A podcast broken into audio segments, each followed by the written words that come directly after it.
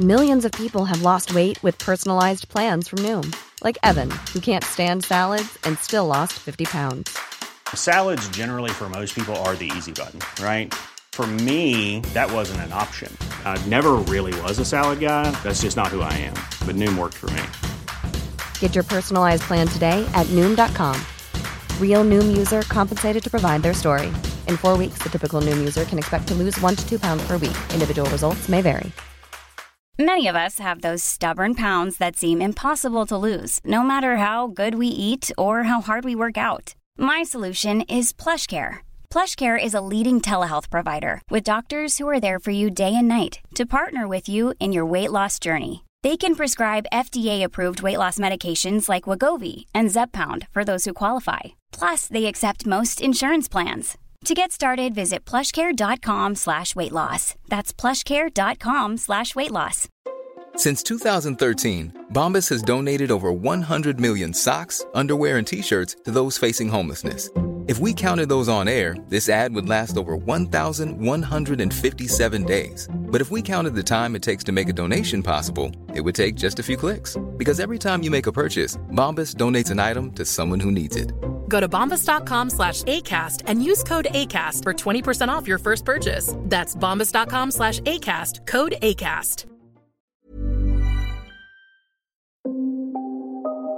Du lyssnar på LaxTon-podden. Spökjakt på riktigt. Mitt namn är Tony Martinsson. Och jag heter Niklas Laksonen. Tillsammans driver vi Sveriges främsta paranormala utredningsteam.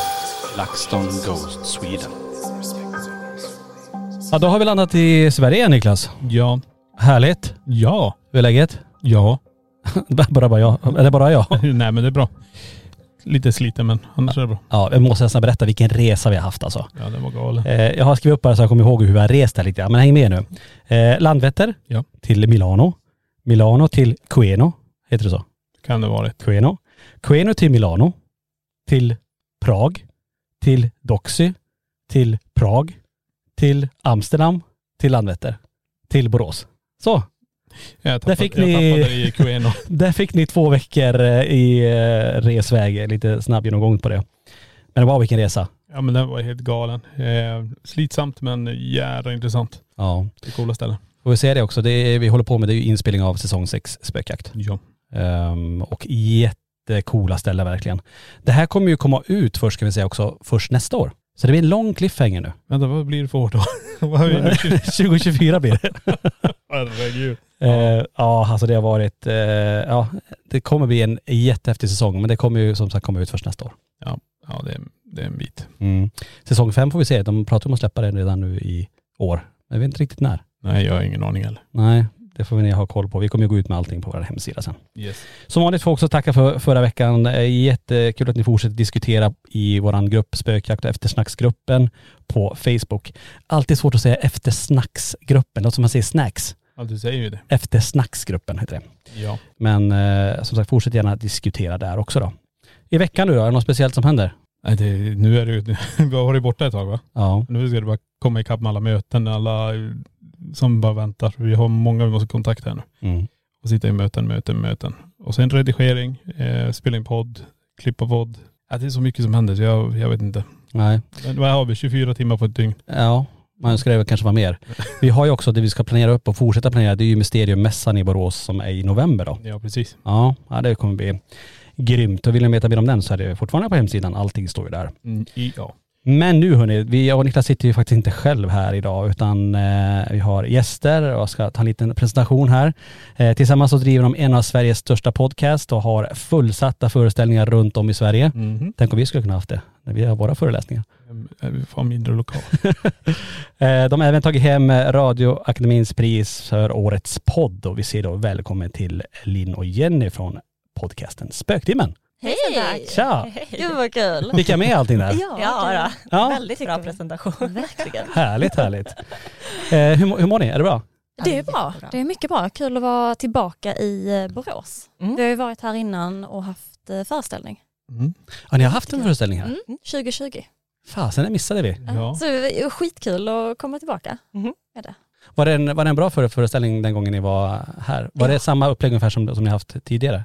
Precis. Det var- Fantastisk publik. Ja, det var en av de bästa som vi, som vi hade faktiskt. Ja, coolt. Och fantastisk lokal. Mm. Vi var jätteimponerade av eh, Borås och har sagt det att vi måste komma tillbaka hit. Ja.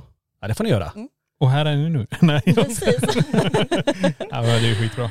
Det är Ja. jättekul. Det här är första gången ni inte varit på museet heller. Nej, Nej. så kul att se. Vi gjorde en liten snabb eh, genomgång här. Hur var, hur, var- hur var känslan? Kände ni, klart det är svårt, vi gick ju ganska snabbt ändå men Men det var ändå vissa föremål som man drogs mer till, tycker jag. Vad drogs du till? Ja, Men den typen docka, den vi pratade om, eh, mm, den som var hittad i en skog, ja den. Eh, den drogs jag jättemycket till. Jag kunde Mm. inte sluta titta på henne. nej. Nej. Jag längtade ju efter Eddie. Ja. Min lilla Eddie. Jag och Eddie alltså, bondade på turnén på det sjukaste sättet. Ja. Och sen så, för att jag är ju blond och har ganska långt hår. Och det var det som var så sjukt för att det var så, eller inte så många, men vi var nog tre eller fyra som såg typ likadana ut runt om i hela Sverige. Som fick exakt samma känsla som jag fick. Alltså att man fick den här, åh Eddie, att man nästan vill ta hand om honom. Så jag vet inte om han har påverkat oss på något sätt. Wow. Men vi såg typ identiska ut eh, och var jätteintressant. För de var liksom lika förtrollade av honom som jag var. Alltså vi har ju hört Det här förut, inte kanske med Eddie men andra dockor. Jaha, vad tänker du? Nej men vi har ju flera stycken som vill bära omkring Agatha. Ja det är sant. Som fastnar för henne och killar som kommer hit som dras till hon i eh, gungstolen. Ja. Dockan utan namn. Om vi hoppar tillbaka till äget där, det är faktiskt jättemånga killar som är här på museet som går runt och eh, säger samma sak om den där dockan. Alltså oberoende av varandra. Det står inte på nätet någonting om vad de har känt och upplever men alla vill samma sak. Det är bara att de vill öppna skåpet och ta ut henne därifrån. Och ta hand om henne. Nästan lite som du sa här Ja. precis nu. Coolt. Och att ni ändå såg ganska lika ut och känner samma. Det där är ju en, en intressant teori. För Eddie var ju det, för, förlåt Eddie om du hör detta, men Eddie var ju, var ju det föremålet som flest liksom skrek av Mm. när vi tog bort skynket och visade honom alla bara "Åh!" och jag var så åh och vi var, jag tror att med mig så var vi nog fyra eller fem och det gjorde vi ju ganska många föreställningar. Men eh, det var lite obehagligt. Och att det liksom kom fram tjejer som bara, men gud jag, jag har samma känsla som du har. Och vi såg precis likadana ut, det var så konstigt. För ni fick ju inte alls samma känsla. Nej. Men fick du någon känsla för något annat föremål? Ehm, Inte så alltså jag var väldigt eh, intresserad av Dybbuk-lådan. Mm. Jag tänkte Men säga det. Men det var den jag stod ofta vid den. Ja, Okej. Ehm, Ja och du hade ju någonting som hände när du öppnade lådan. Ja, just det. För det var jag som tog emot alla föremålen när de kom. Eh, och då kom, hade ni ju packat dem så fint i kartonger. Vi hade ju fyra stycken föremål vi lånade av er. Eh, och så började jag packa upp dem och jag packade upp Eddie, dockan först och var så här, ja, gud vad cool den var. Vi hade ett eh, kors vi lånade, det var liksom inga problem. Eh, just det, vi hade ett ouija-bräde som är vårt, som jag inte heller kände någonting för. Men så sist så skulle jag öppna upp lådan med Dybbuk lådan i. Och direkt när jag öppnade kartongen och såg den så gick det en rysning genom hela Oj. kroppen. Jag blev så påverkad av den som jag inte kände av de andra. Nej.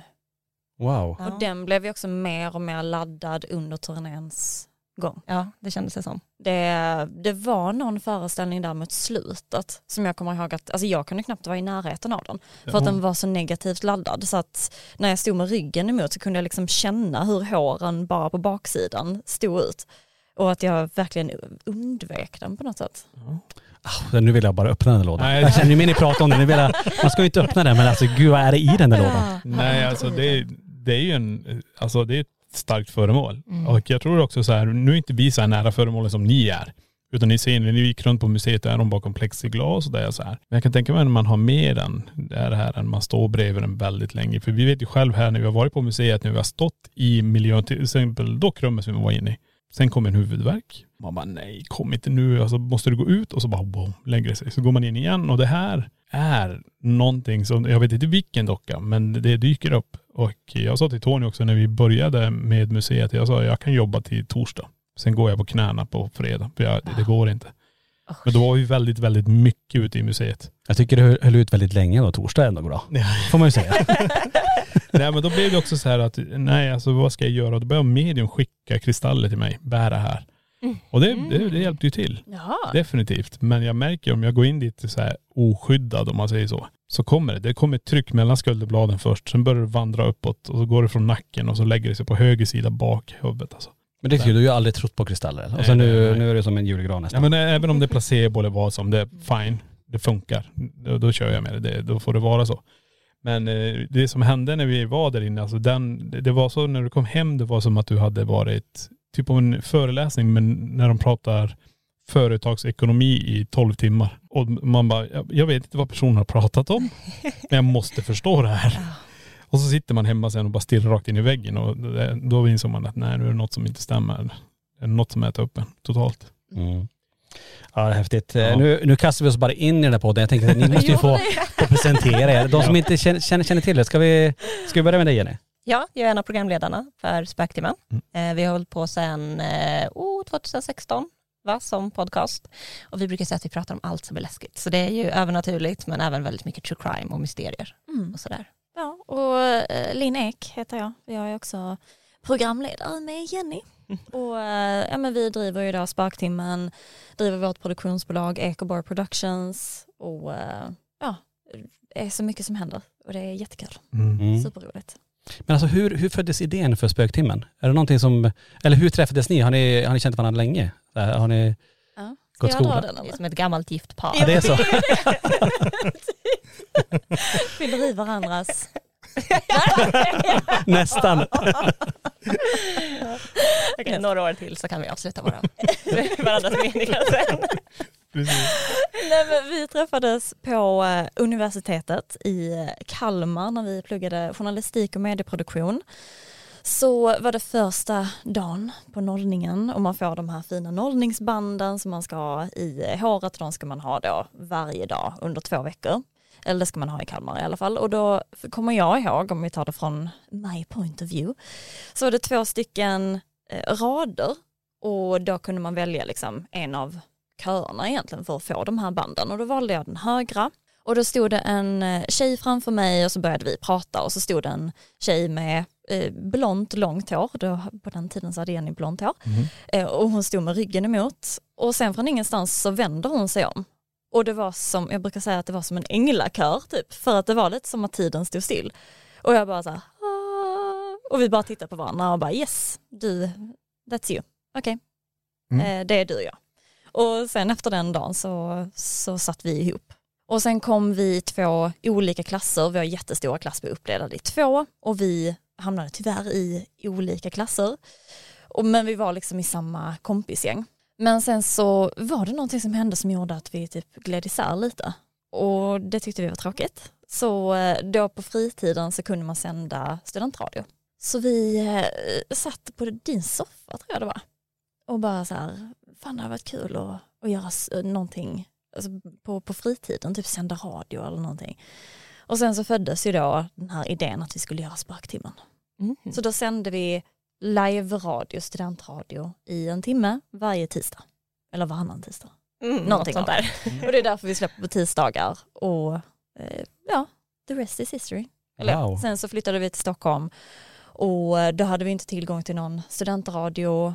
Eh, vi hade ingen studio, ingenting. Och bara, när hade vi kul sist och gjorde något kreativt? Och det var ju när vi gjorde Spöktimmen. Mm. Så det gjorde vi det till eh, podd istället. Wow, så det är sprunget ur studentradio till, till det här då. Precis. Men, men namnet Spöktimmen, hur kom ni på det? Var det något som, Läste ni spökhistoria eller vad var det ni gjorde under studentradiotiden? Var det det som blev att wow, vi pratar om något kusligt eller? Alltså vi, vi pratar om det som vi gör i podden idag. Vi, ett avsnitt handlade om våra spökhistorier ehm, och, eller våra, våra upplevelser, spökupplevelser. Ett annat avsnitt pratade vi om det här försvunna flygplanet MH370. mm. Ett annat avsnitt handlade om typ demoner. Ehm, vi pratade om någon mördare någon gång och eh, alltså jättemycket olika men då satt vi också och googlade typ under tiden. Eh, så det var ju inte lika researchat så som Nej, det är precis. idag. Mm. Nej, och det var ju innan vi ens började med studentradion så var det alltid så att när jag och Linn skulle träffas så brukade vi kolla på skräckfilm. Men det blev väldigt många kvällar som vi aldrig kom till att kolla på skräckfilm. För vi satt oss i soffan och sen så var det en av oss som sa, men gud förresten har du hört om den här seriemördaren? Och den andra bara, nej berätta. Och så satt vi där i flera timmar mitt i natten och berättade liksom eh, historier för varandra. Och det är det vi menar med namnet spöktimmen. Alltså det är den här tidpunkten mitt i natten när det är som kusligast. Och att man ska känna som att man sitter så som vi gör nu, att man Mm. sitter runt och så pratar man om det som är läskigast. Och det är ju jätteläskigt med spöken, det är läskigt med seriemördare, det är läskigt med ufon, det är läskigt med saker i havet. Mm. Allt möjligt, mysterier, konspirationsteorier, sekter, kidnappningar. Så ja, det är ju det som många misstolkar spöktimmen, att vi bara pratar om spöken. Men det Mm. är liksom under spöktimmen så berättar man rysliga historier. Mm. Just det. Men eh, intresse för det här har alltid funnits hos er båda. Eh, just det här med övernaturligt, eh, det kusliga, mysterium sådär. Ja. Verkligen. Båda två satt ju när vi var små och läste så här. Jag läste Tvillingarna, bara de läskiga Just böckerna. det. Och du läste ju Kitty, Ja. jag. Ja. Vilken match. Ja. Ehm, och ämnen som ni poddar om, ni, brukar ni ha, alltså ni, ni blandar ju ganska mycket mellan de här olika genrerna. Är det något ämne som ni alltid återkommer till? Att det här, det här är så intressant. Alltså jag tycker det är roligt med mixen.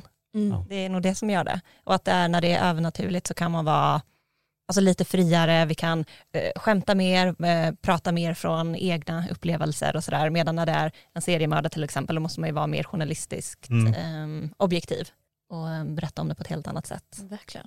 Mm. Sen älskar du mysterier. Jag älskar ju mysterier. Och, eh, men vi brukar ju säga det, jag tycker att det är roligare att lyssna på typ seriemördare, true crime, när du berättar om det. Men jag tycker inte att det är lika kul att berätta om det själv. Jag tycker att det är intressant, men det är inte min favorit. Och tvärtom så älskar jag att berätta om mysterier för dig. Men du tycker inte att det är lika roligt att berätta det. Men det är fortfarande intressant. Men härlig mixen då av olika ämnen som ni, som ni tar upp då. Mm. Eh, men det har som alltid varit självklart för er, det är de här ämnena som vi ska, vi ska inte iväg någon annanstans. Eller brukar ni, ni håller er till, den- till den genren? Så. Ja, Ja. det är ju så mycket som ryms där i, Mm. helt enkelt.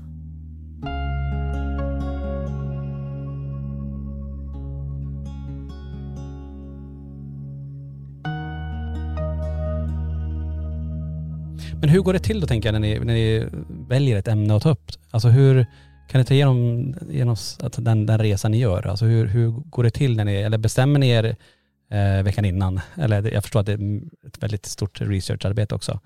Eh, men kan ni ta oss igenom någonting hur, hur ert tillvägagångssätt går till när ni väljer ämnen och, och hur ni får in information? Google kan jag tänka mycket står ju där men Alltså vi brukar ju sätta temanen eh, typ ett år innan.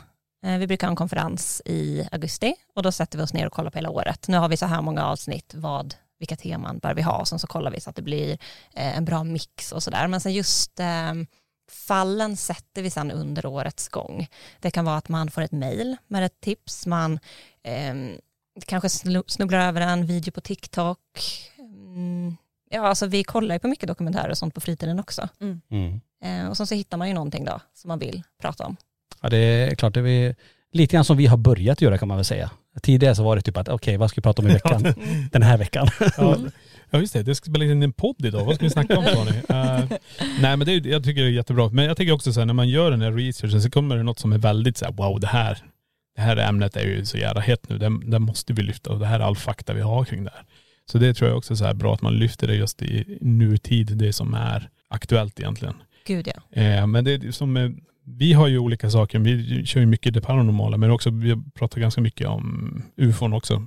För att vi började, det finns någon länk där. Den, den, är, den är oklar men jag ska lista ur den. Ja, men det, du, du har pratat mycket om det nu, att det känns som att det är en länk mellan det, det paranormala, övernaturliga spöken kontra ufo, den, den delen. Men det är också på grund av att jag tittar ju också jättemycket dokumentärer, både ufon, Bigfoot, ja allt det här som ligger i, i den här genren om man säger så. Men det är just det när man börjar se den här röda tråden, för nu helt plötsligt ser vi jättemycket ufon.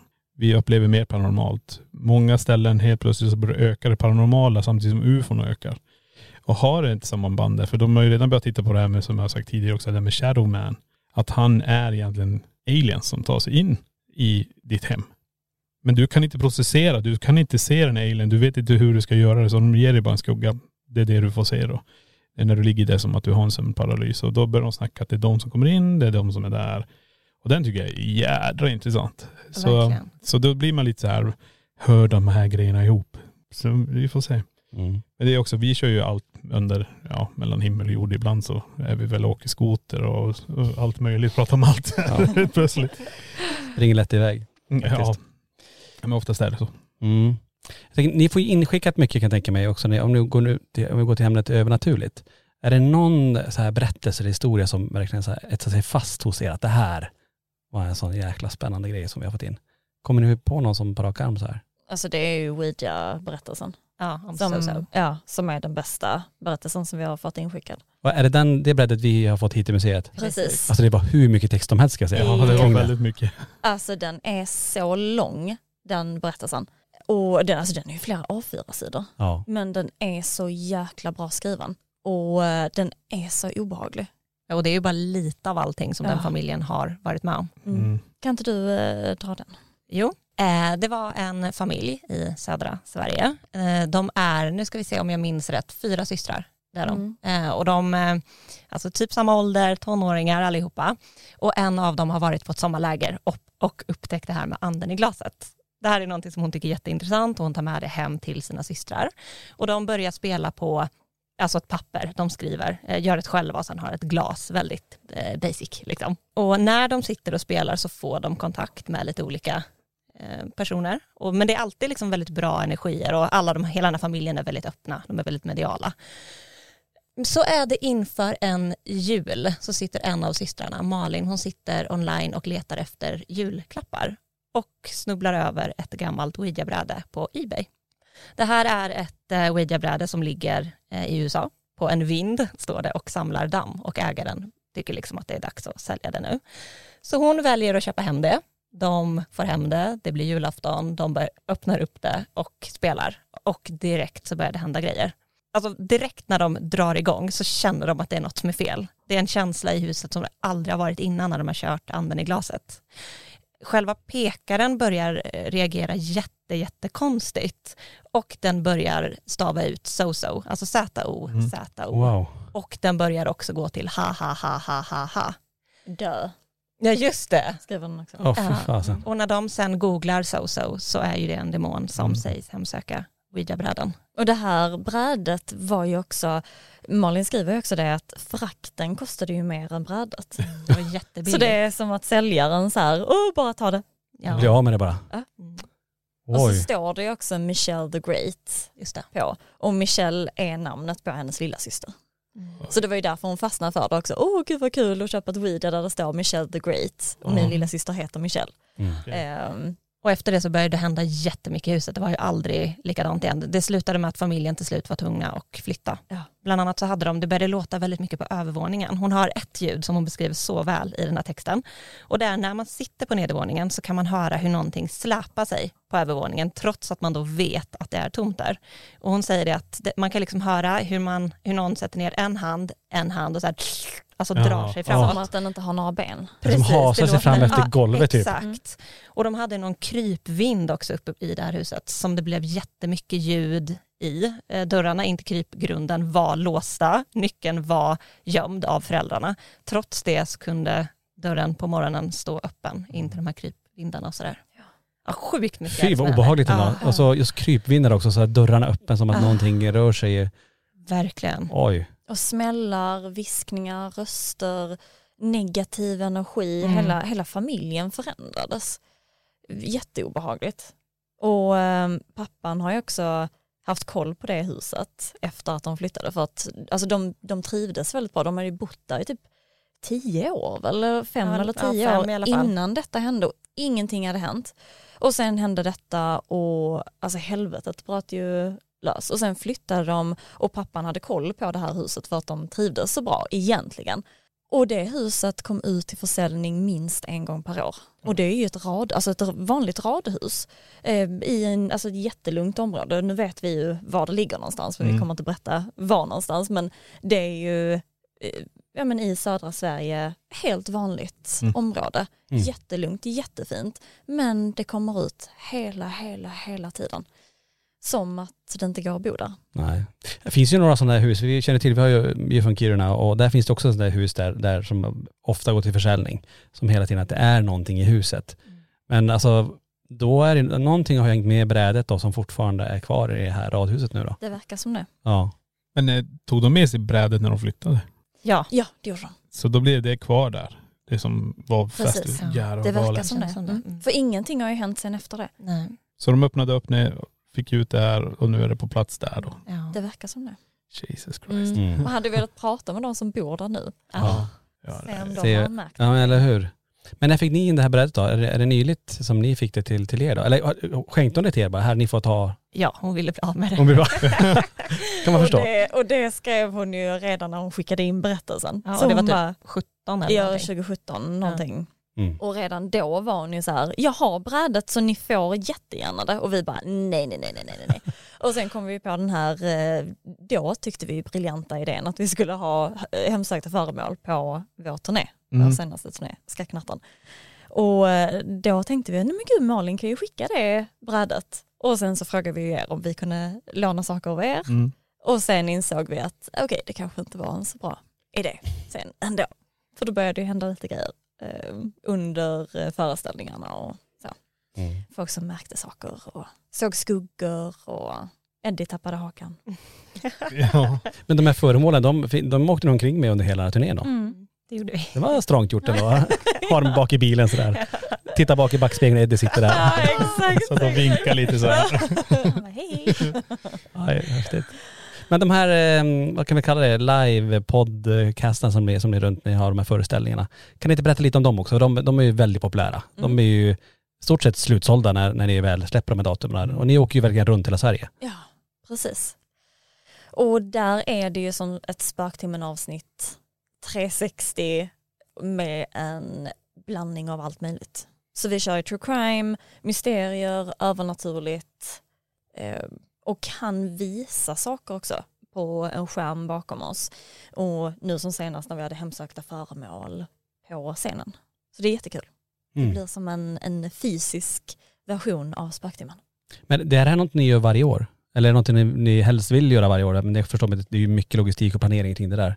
Men eh, hur, hur ofta har ni kört den? Eh, Sverige-turné två gånger eh, har vi gjort nu. Mm.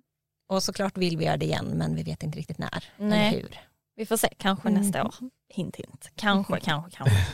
Men det måste vara jättekul egentligen att få göra det också. Det är alltså, jättekul. alla fans som sitter och så, så lyfter man och så hemsökta föremål också. Det, jag menar, och nu kommer allt på en och samma gånger. Ja. jag kan tänka mig folk så här bara åh. Ja, det är så jäkla kul och men få träffa alla Mm. och eh, bara få de här reaktionerna live. Ja precis. Det är ju på ett helt annat sätt. Eller blir det lite mer nervigare också att det, det är just live? Och både och skulle jag säga. Mm. Det är ju väldigt roligt att sitta där och köra live. Mm. Men om det blir fel så kan man ju inte göra om det. Mm. Så det är ju också kul för att det är mycket som står på spel. Mm. Men det är, vi har ju spelat teater båda två när vi var yngre. Så att vi, som jag känner igen den här känslan att vara på scen och prata och så. Mm. Men ja, det är ju skitkul båda två.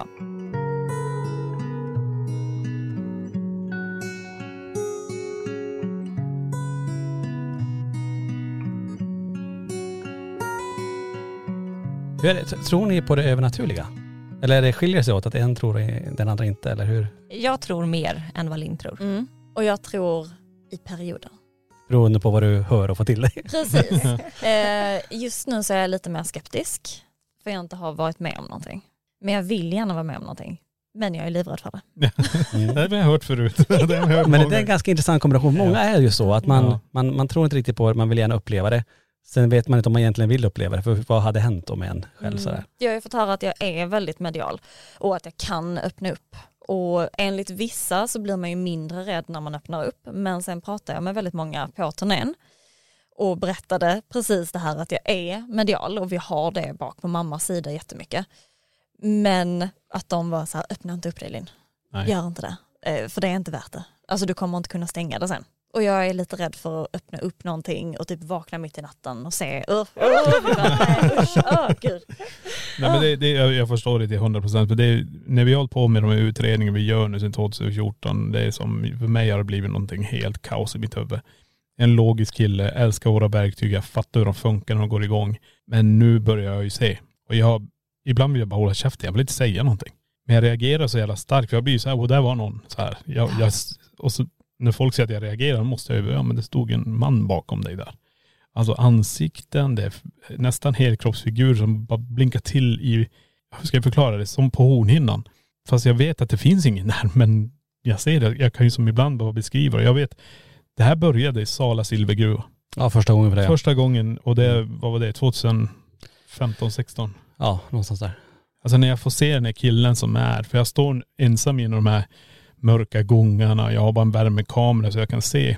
Och jag ser att det är rött längre ner, då betyder det okej det är varmt. Nu kommer någon värme, men det borde visa blått för den håller, vad sa vi, tre grader Ja. eller någonting. Men värmekameran visar att det är varmt, som att det är värme och jag fattar inte. Och så bara ska jag vända mig om, jag står som i en T-korsning i den här gruvan och så vrider jag åt andra hållet och då får jag upp en, hur ska man säga, en gestalt som är blå framför mig, eller röd framför mig, jag kommer inte ihåg nu men det var, jag tittade på värmekameran och sen tittade jag upp och då, då står han där.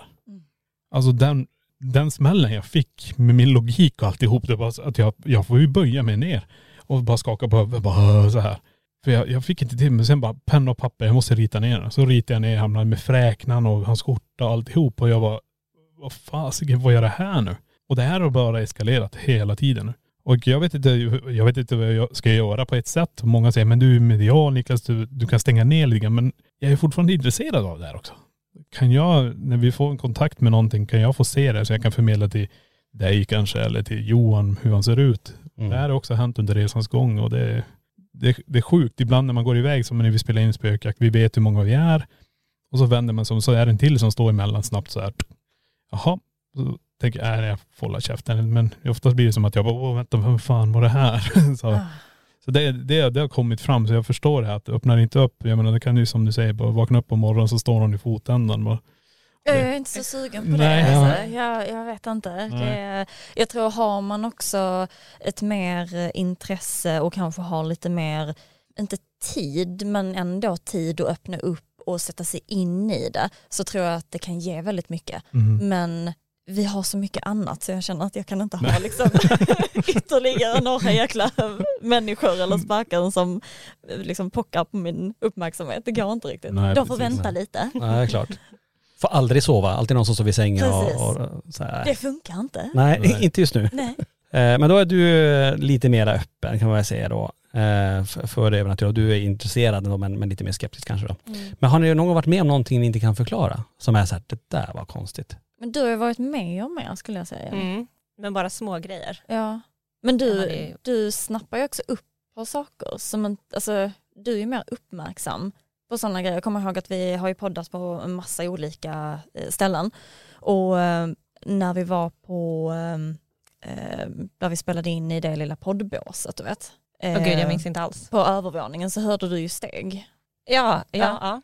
Och bara en sån grej att Mm. alltså, du hör ju saker på ett annat sätt och kan se saker. Du har sett en skugga bakom mig på Häringe slott till Mm. exempel. Ja. Så du är ju med om mer grejer. Mm. Det är. Och saker som flyttar på sig Ja. och sådär. Mm. Men det är ändå att du är med, eh, fast du är också i samma rum, men du hör inte, men du hör.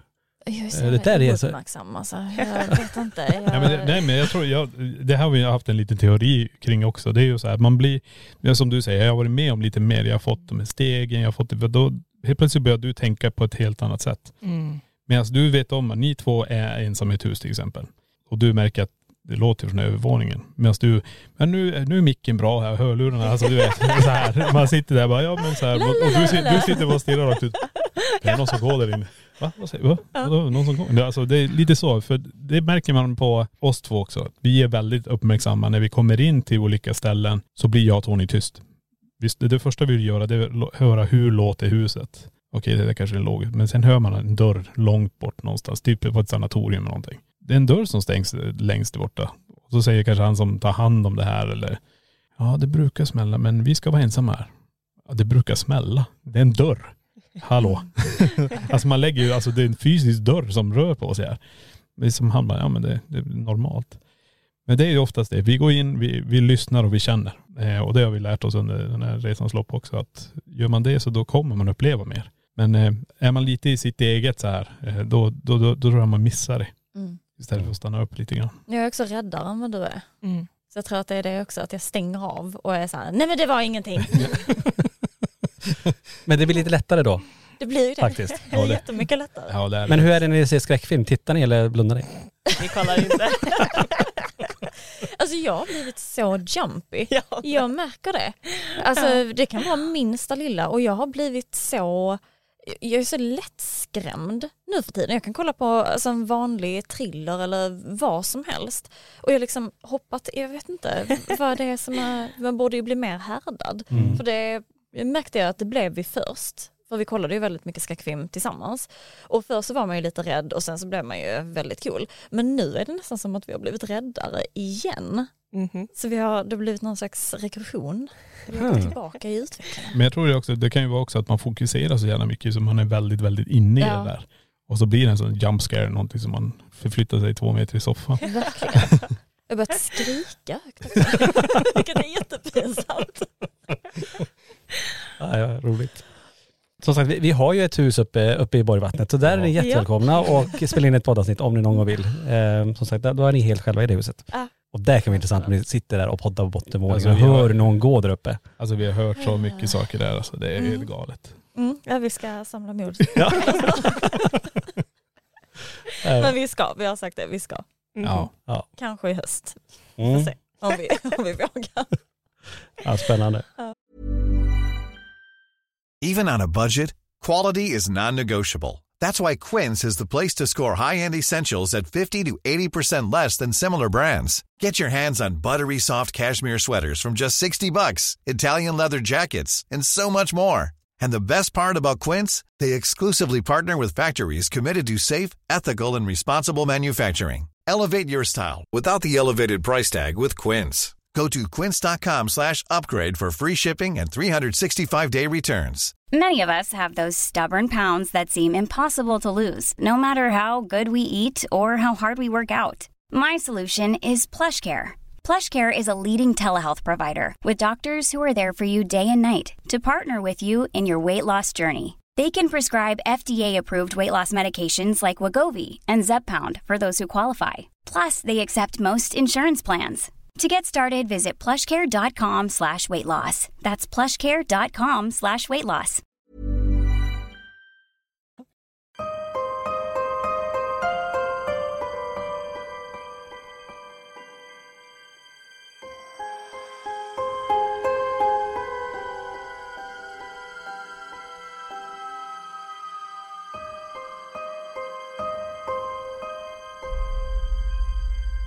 Jag vet inte, hur, hur mycket har ni, eller har ni sett någonting som vi har gjort? På lagt som är på YouTube och sådär? Eller vet, visste ni om att vi fanns för, för ett år sedan? Ja, gud ja. Ja. Och det är ju, eh, alltså våra lyssnare har ju alltså tjatat på oss så Mm. länge. Att snälla gör något med LaxTon, snälla, snälla, snälla, snälla. Och vi bara, vi ska, vi ska. Men vi har haft så mycket med podden. Mm. Och sen öppnade vi upp det här att vi kunde ha gäster i podden och vi bara, ni var ju självklara. Alltså kul. självklara gäster. Ehm, så eh, vi visste ju vilka, vilka ni var sen Ja. innan. Mm. Jag tror ändå vi har ungefär samma målgrupp kan jag tänka mig. För jag vet det är exakt likadant för oss, att det, många lyssnar ju på er. Ja. Ehm, så, och vill ju ha väldigt, väldigt, mycket. Så det, det avsnittet vi var med hos er, det, det fick vi mycket kommentarer om också. Ja, ja, ja. Mm, Kul. Så jätte, jättekul. Ja. Ja men vad spännande då som sagt. Eh, Man skulle gärna vilja veta mer om det har varit med om något speciellt så här som sticker ut. Eh, Vi, vi jobbar ju mycket med, med just, vi får mycket berättelser det folk upplever. Så här, "Men det här var märkligt och så brukar vi ta lite teorier på det. Och vi har ju ett, eh, eller vi hade förr i alla fall, det här med spöken på bild. När vi diskuterade bilder och filmer som kom in så gjorde vi en analys på det då. Sånt tycker ju många är jättespännande att lyssna på och titta på då.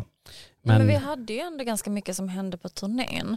Det var ju jättemånga som såg att de hade sett eh, skuggor och sånt. Vi var ju inte med om så mycket men jag tror också att det var, som vi pratade om innan, att vi var så himla fokuserade på att göra föreställningar och var där och då, att vi inte märkte saker. Ehm, som den här lilla ballerina, den eh, lådan, Mm, så vi fick mm. låna, den gick ju tydligen igång. Ehm, när vi hade pratade med de som var VIP, när vi hade mingel. Och våra Ja, pojkvänner, det var ju så. Våra pojkvänner såg att den gick igång och de försökte liksom vinka till oss och sa hallå den spelar, alltså hur kan ni inte märka? Men det var ju det som var så konstigt för vi stod, och den är inte hemsökt har ju ni sagt, Nej. utan det är väl rekvisita. Liksom. Eh, och vi hade den ju på scen, vi stod bredvid den tillsammans med 20 liksom, från turnén. Och vi stod precis bredvid den, våra pojkvänner satt alltså, på helt andra sidan av eh, eh, lokalen. Så det var liksom tomt och sen så satt de längst bort. Och de såg den gå igång, de hör musiken och vi på scenen hör den inte och ser den inte. Det är väl Ja. galet. Förmodligen för Så att vi var konstigt. så fokuserade också. Men Mm. jag tänker, då, alltså vippen borde ju Ja. ha hört det, men ingen. Ingen Nej. reagerar på det på Nej. det sättet. Och att de hörde den ju så pass väl så att för dem lät det som att de hade den bredvid Mm. sig, men den var jättelångt bort. De borde inte ha hört musiken. Och den hade inte plingat varken innan eller efter. Nej. Det var så Och konstigt. utrustning som gick igång, jag kommer ihåg eh, vår första föreställning när vi var i Malmö. Då hade vi ju inte täckt av de här skynkena Nej. för de här eh, hemsökta föremålen. Det var ju allra första föreställningen. Och det var som att sakerna var så himla laddade. Ja. Kommer du ihåg den Ja. publiken? Det var jättemånga som reagerade väldigt, väldigt fysiskt och väldigt starkt. Och jag kommer ihåg en tjej som satt ner till vänster för att jag såg henne hela tiden och höll lite koll på henne. För att när vi kom till det segmentet att vi skulle prata om de hemsökta föremålen så täckte vi vi tog bort skynket för det första och sen var dibbyklådan andra. Men innan vi ens drog bort så såg jag hur hon satt och pratade med sin kompis och då såg jag att hon gjorde så här.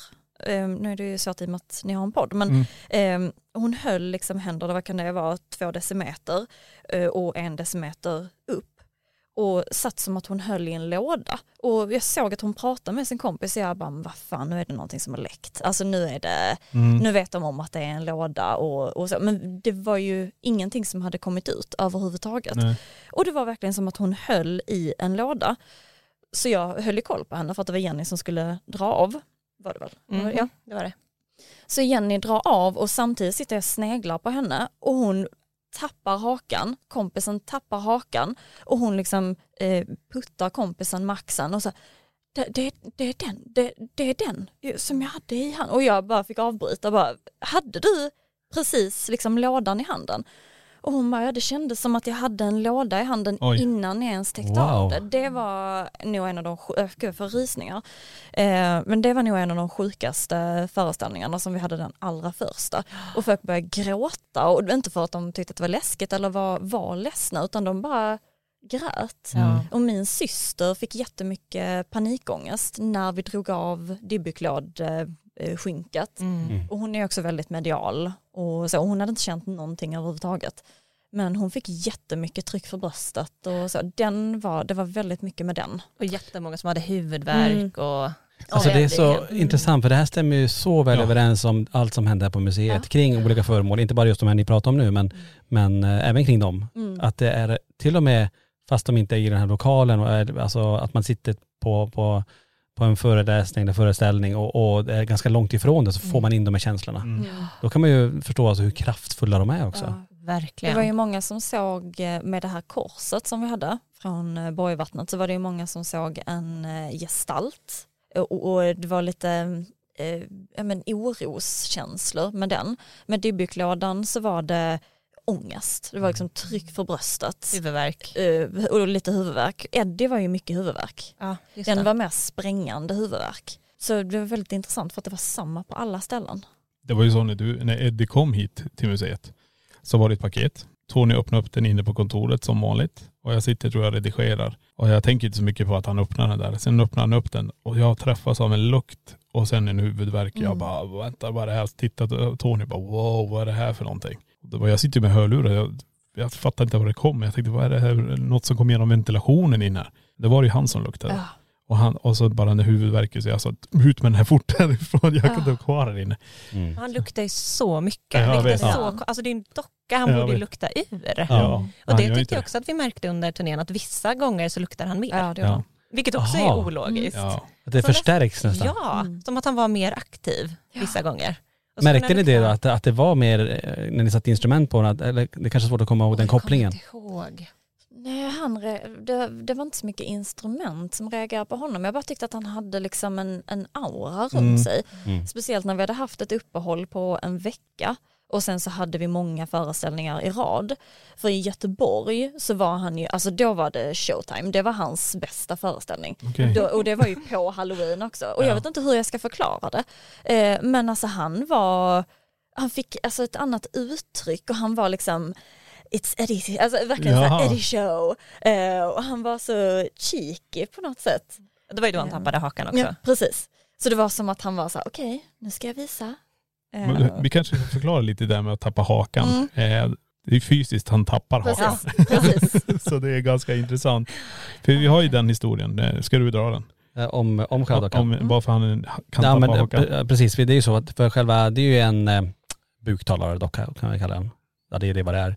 Och eh, den förra ägaren han började höra röster kring den dockan. Han sliter ju faktiskt sönder upphängningen till just eh, hakan där. Mm, precis. Eh, men det går ju fortfarande att dra upp den så att man, det är ju ett snöre i den här så man kan dra så att den ändå sitter. Men eh, det, alltså det hände bara en gång ho- hos er att den faktiskt åker ner. Här på museet har det aldrig hänt. Nej. Eh, så att det och den sitter ju väldigt länge här också så att, eh, det var spännande docka det där. Mm, verkligen. Ja. Jag fattar inte förra ägaren vågade alltså ta sönder käken. Nej. Men det är klart, jag kan tänka mig om man hela tiden hör att den pratar till en. Att du måste Ja. bli galen till slut. Mm. Och sen bara, varför behålla mig? Alltså man hade ju gjort sig av med den dockan för länge sedan. Ja, han, gjorde ju det. Jo, till slut, men ändå. Jag menar, ja. Det som är så spännande med de här grejerna vi får in det är, vi har ju bara historien att gå på. Ja. Ungefär som ni fick in det här med Ovidia-brädet till er. Men det, bara, bara storyn kring det här och är bara någon procent sant och har hänt så är bara det good enough, tänker Ja, man. ja, ja. Eh, Men man vill ju uppleva det så som ni har fått göra. Och det är så många saker, det måste ju ha något samband. Jag vet inte. Jag har ju svårt att, att vifta bort det övernaturliga helt. Mm. Men, eh, för det är så många som upplever saker. Alla kan ju inte, alltså det känns som att varje person som man pratar med har ju varit med om något. Ja, Även de som är jätteskeptiker. Mm. Så är man så här, "Men har du inte varit med om något? "Eh, Jo det var ju en gång. Och, bara, Men gud det var ju jätteläskigt det du var med om. Nej men det var säkert bara... Mm. bla, bla, bla, bla." Precis. Men det, tar Ouija-bordet till exempel. Jag menar, varför ens lägga ner tiden att skriva så här mycket om det? Och hitta en historia till här, här får ni ett bräde och här har ni historien. Alltså jag menar, det, de har ju lagt ner tid på det här och här har ni hela berättelsen. Ja. De hade kunnat bara skicka ett Ouija-board och skriva det här fick jag en i eller i julklapp. Exakt. Mer än Alltså jag, jag tänker, vi har ju det här brädet här på museet. Vi Ja. kommer ju ställa ut det sen också. Det ska in i det paranormala experimentrummet också. Mm. Men alltså det är så mycket text. Vi brukar försöka hålla det till en A4. Det kommer Ja. inte gå. Så jag vet inte hur vi får möblera en hel, det är en hel vägg bara med allt som har hänt kring det här. Det var så vi kände också när vi fick in den Ja. och vi satt där och försökte korta ner den. Och det går inte. Nej. Det går inte att ta bort ett stycke för att då tappar man hela, alltså den, den är så bra skriven Mm. och eh, det är så jäkla läskigt och det är ju bara som, som du sa innan en bråkdel av allt som har hänt. Mm. Ja det är så intressant med det också för vi fick ju berättelsen först och till berättelsen så skickade hon bilder på Ouija-brädet. Hon hade tagit bild på framsidan av kartongen, baksidan, hon hade öppnat upp det och verkligen skickat bild på allt. Mm. Och det här var ju ja, men 17 eller 19 eller vad det var. Det var flera år innan vi fick Ouija-brädet. Så det var ju så när vi efterfrågade om vi kunde få det, då hade man ju ändå märkt om det hade varit påhittat. Att Ja. så här, nej, ja, det finns inte på riktigt. Liksom. Nej.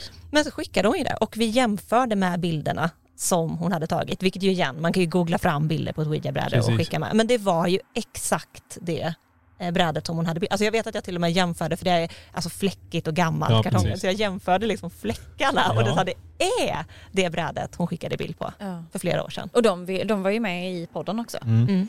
eh, Malin och hennes syster. Men de ville ju inte gå ut med, med sina ansikten Nej, nej. och så. För att det har påverkat dem så himla mycket. Mm. Hade det varit påhittat så hade det ju varit så här, det var bara på skoj. Verkligen. Och de, var ju, de sa ju först ja och sen sa de nej, att de inte ville vara med. För att ja, men de ville inte gå ut med sina röster och så. Nej, och, ja, men, kollegor kan ju höra en och vara så men gud du är knäpp. Mm. Och de trodde ju att de var knäppa ett tag. Men de bodde ju ändå i huset ganska länge. Och sen flyttade de och sen slutade allting hända.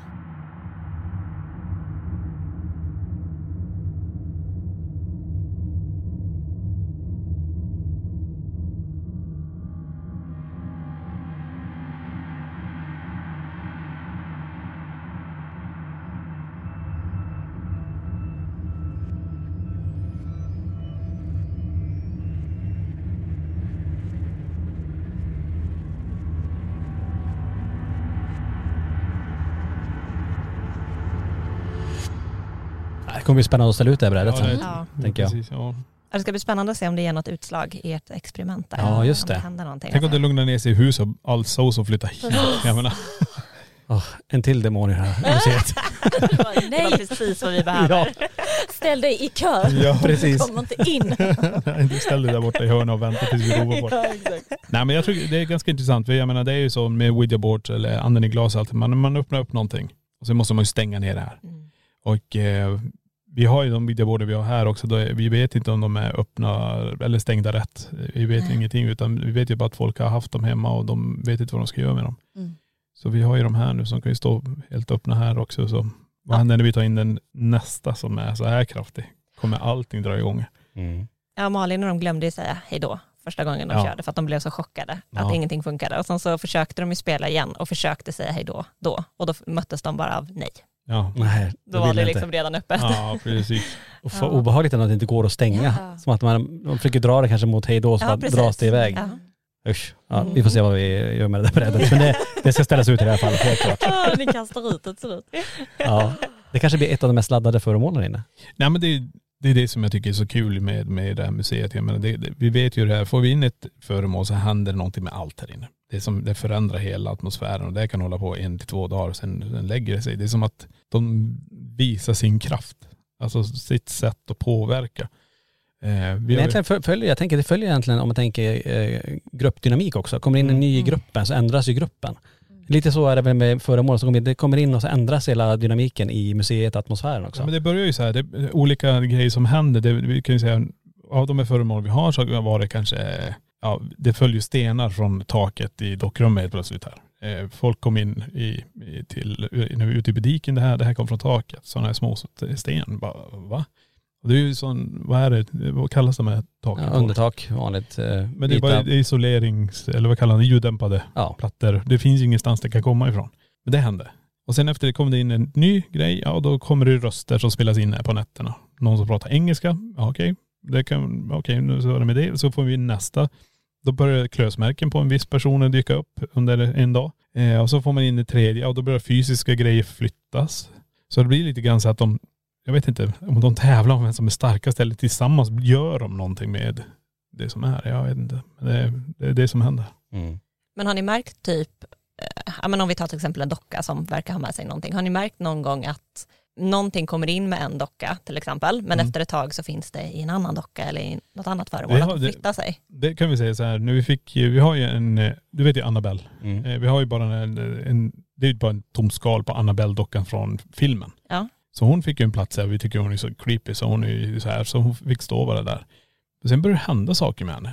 Och det kändes som att någonting hoppade in i den här istället. Mm. För hon håller ju en liten skylt där det står så här, miss me. Den var ju borta i det här låsta skåpet när vi kom hit. Och det var ganska fascinerande historia kring det också. Det var ett medium som hörde av sig till oss och sagt att jag får till med att Annabelle-dockan skakar. Att hon, hon rör på sig i skåpet. Okej. Och då var jag och Tony iväg och spelade in Verkers slott tror jag. Mm. Med spökjakt. Och det är ingen som är här på museet och då var innan Johan jobbade här och Lenny jobbade här. Och då var jag och Tony borta och var det stängt här. Eh, så kommer vi hit och tänkte, ja, men vi får kolla den här. Och då kommer vi dit och då har hon inte lappen i handen. Och vi har ju då, först är det nyckel du låser, sen har vi satt en extra skruv också. Som du måste skruva ut ur det här skåpet för att komma in i det. Så står vi där och bara, jaha vad fasken är det här? Och så vi öppnar upp den, då, då ligger lappen, vad ska jag förklara? Hon har händerna framför sig. Så 50 centimeter ner så är det en, eh, en liten, liten glipa. Och där nere är, låg den intryckt längst in Oj. i det här skåpet. Men gud. Så vi bara, jaha hur fasiken är det här? Men då började vi tänka, media fick till sig att hon står och skakar i skåpet. Så vi blev ju så här, vänta nu, hur, hon har vibrerat så här så att hon har tappat ur handen och den glider i den här lilla glipan och så har den stuckit iväg. Alltså det blev lite så här, ja men vi får ta den teorin då. Då får det vara så. Det är, det är inget mer med det. Men det, det är så fascinerande att vi, det är ju två dagar innan vi kom hem så har hon ju drömt det här. För hon hade Ja. varit på museet och besökt det och så får hon till sig den här drömmen.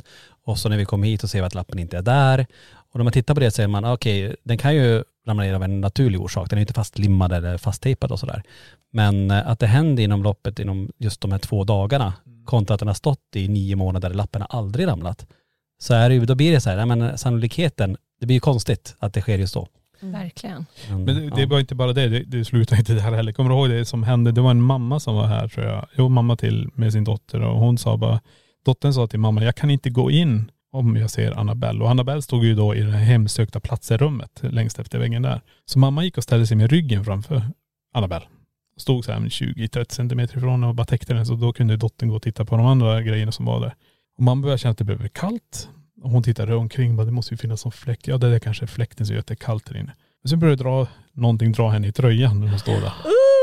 Så hon står ju bara, hon kan ju inte reagera heller. Så hon står ju bara och stirrar rakt ut och dottern går så här. Och sen när dottern går ut ur rummet, då går mamman in i butiken till oss och säger bara vänta det här hände, det här hände. Och det här har ju folk fått testa när de är här. Mm. Och det är många, vi hade ett killgäng som var här Mm. och ställde sig som var lite såhär, wow det var coolt, så men testa det här då.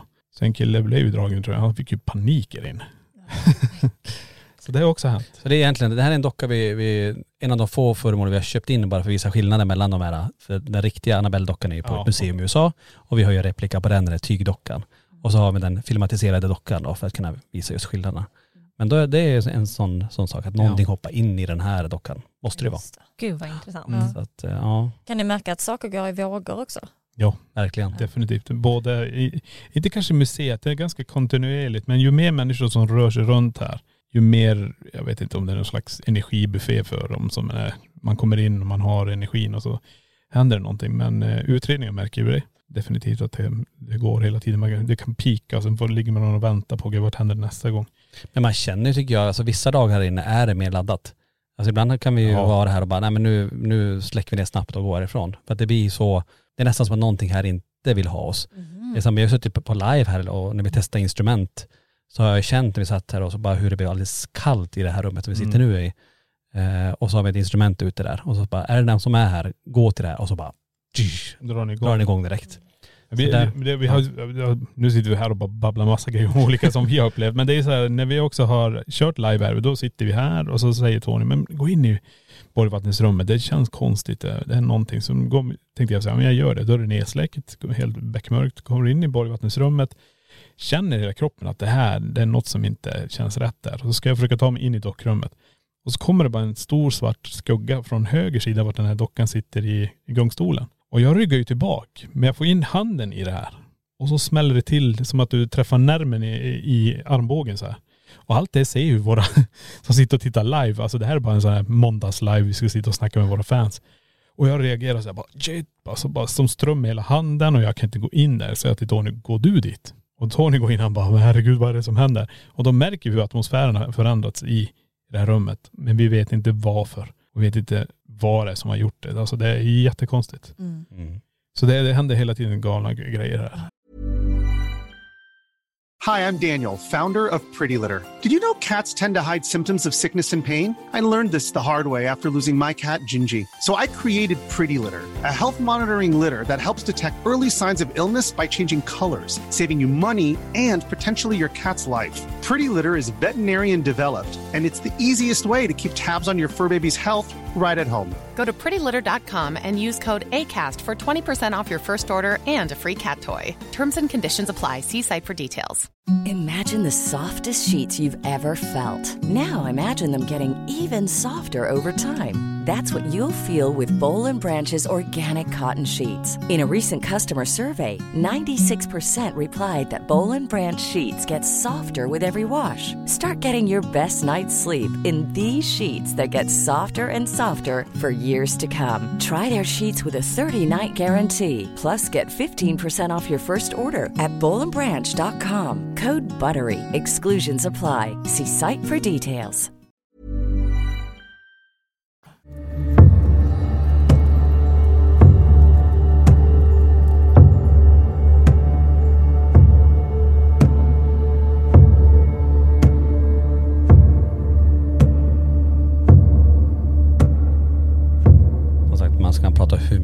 Mycket som är på museet. För det är, det är så många grejer och det är lite kul. Vi sitter lite på facit också, vad folk har upplevt här. Ja. När, man, när man går runt, går runt och så kommer de till butiken och berättar. Men typ samma saker, många av dem, vid samma föremål. Ja. Och då börjar det bli ganska intressant ändå. Har ni någon grej som ni har på museet som är så här, det här gör man inte. Eller det här gör inte vi. Eh, Alla föremål som kommer in, vi, vi rör ju inte i dem där, utan vi, vi, vi har väl någon liten tro om att tar vi på oss handskar så är vi inte i direktkontakt med det här. Eh, funkar väl kanske sådär men, men ändå. Eh, vi gör alltid, vi har det förhållningssättet. Och att man inte filmar, fotar eller tar en ljudupptagning här inne. Eh, nu kommer ni göra det. men, det får ni på egen risk. Det på egen Det risk, ja.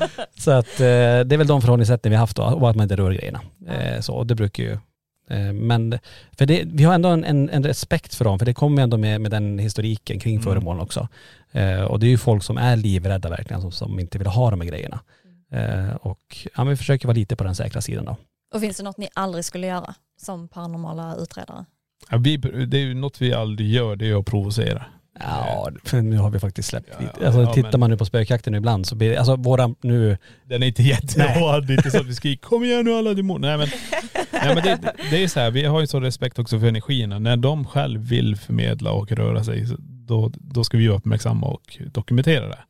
Så vi går ju inte i ett, i ett ställe och börjar ställa oss och skrika och kasta saker utan vi, vi står still där och bara väntar. När du är redo så är vi redo. Tur att vi är från Norrland, vi har långt tålamod och bara, jaha, ska vi se om det händer något. Nej men det är alltså, det är, alltså vi har ju testat det mesta Mm. på olika ställen.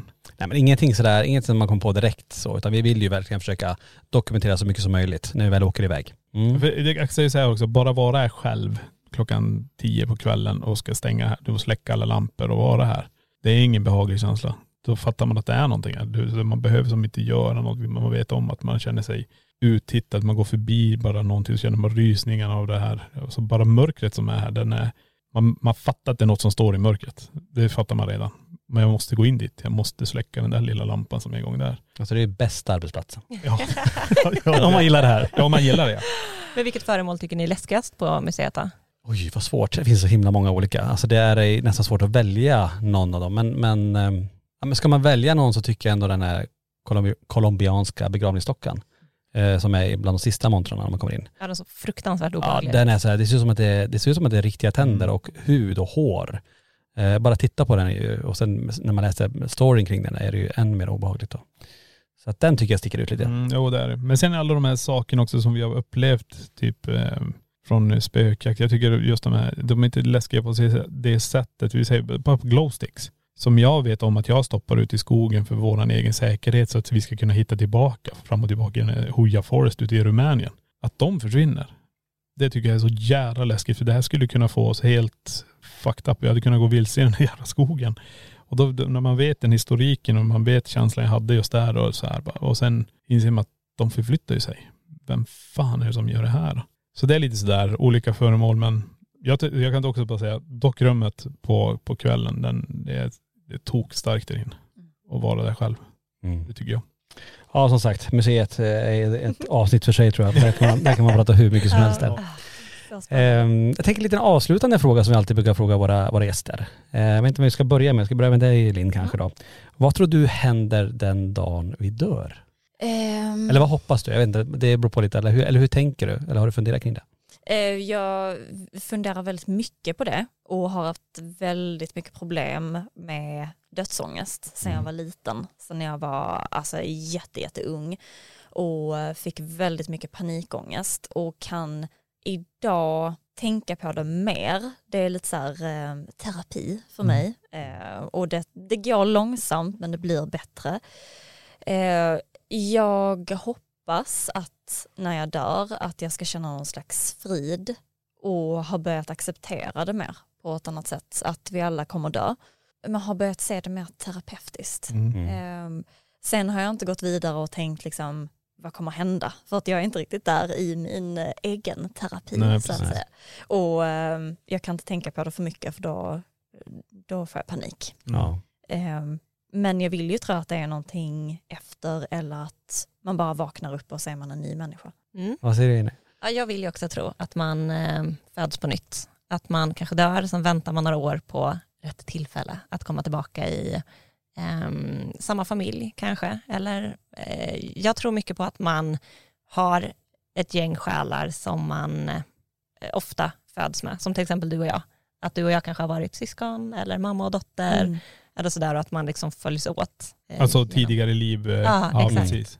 Har ni gjort någon sån resa? Har ni, har ni tänkt testa det någon gång? Det hade varit jätteintressant att testa. jätteintressant, ja. Men vi har inte gjort det. Men vår eh, tarotkvinna har ju sagt att i alla fall jag har levt väldigt många liv. Mm. Jag kommer inte ihåg hur många liv hon sa att jag hade levt. Men att jag är, eh, i det här livet så är jag eh, typ på en masternivå. Okej. Och det här livet ska jag bara frodas. Alltså det ska vara liksom allt med karriär, det ska bara vara lycka, Mm. överflöd för att jag i de andra liven har tydligen haft det ganska kämpigt. Okej. Mm. Så det var väldigt intressant när hon sa det. Mm. Att det går ju väldigt bra för oss. Ja, man hoppas ju verkligen inte att det bara blir svart. Nej. Så här, att det inte är någonting sådär. Men just nu känns det omöjligt att det ska bara kunna bli svart, tyvärr. Ja, nej alltså, men, Av alla grejer man upplever. Jag menar, det, ja tänker man så, vi har upplevt väldigt mycket och då tänker man, då måste det finnas någon form av fortsättning. Sen är frågan hur det är bara. Ja men okej, vi kan säga att det blir, om det blir svart. Men det som man upplever det är då bara minnesenergier som återspelas av väggar eller föremålen som släpper på, Mm. på saker. Ja. Kanske. ja. Men det var ändå intressant sagt. Det är ju hyfsat lika syn där. Men som sagt, eh, Linn, du kanske inte kommit lika långt i, i tankarna eller ännu kring vad, vad som hände sen. Nej, utan bara acceptera först. Ja, nej. då, ska vi, då ska vi stanna där. Ja, det räcker så. Jag bara, Ja. jättekul att bara Ge henne en påse, ge henne en påse. ligger på golvet och skakar. Alltså. Ja, Nej men det vet jag också. Det, vi har ju snackat om dödsångest både Ja. och jag också. Så här, hur, jag hade också ganska mycket där ett tag men det var svårt att flyga flyg. Det var svårt med Mm. allting så här, när man inte hade någon kontroll. Men det är som väck. Det är, jag vet inte vad, det är bara som Ja. släppt. Och jag, jag vet inte varför det är men kanske på det man gör. Jag tror också det. Det Jag tror hänger väl ihop. Ja. håller på mycket. Ja, vi flyger ju fruktansvärt mycket just nu. Ja, jag tror det är för att avrunda lite grann här nu, våran eh, panikångestpåse. Eh, så eh, det tror jag blir en jättefin avrundning på den här podden. Eh, så stort tack för att ni kom hit. Men Tack för att vi fick själva. komma. Ja, jättekul att ses igen. Jättekul. Och tack till alla er som har lyssnat och tittat och hoppas att ni är med oss i nästa vecka i LaxTon-podden Spökjakt på riktigt. Tack för att du har lyssnat på LaxTon-podden Spökjakt på riktigt.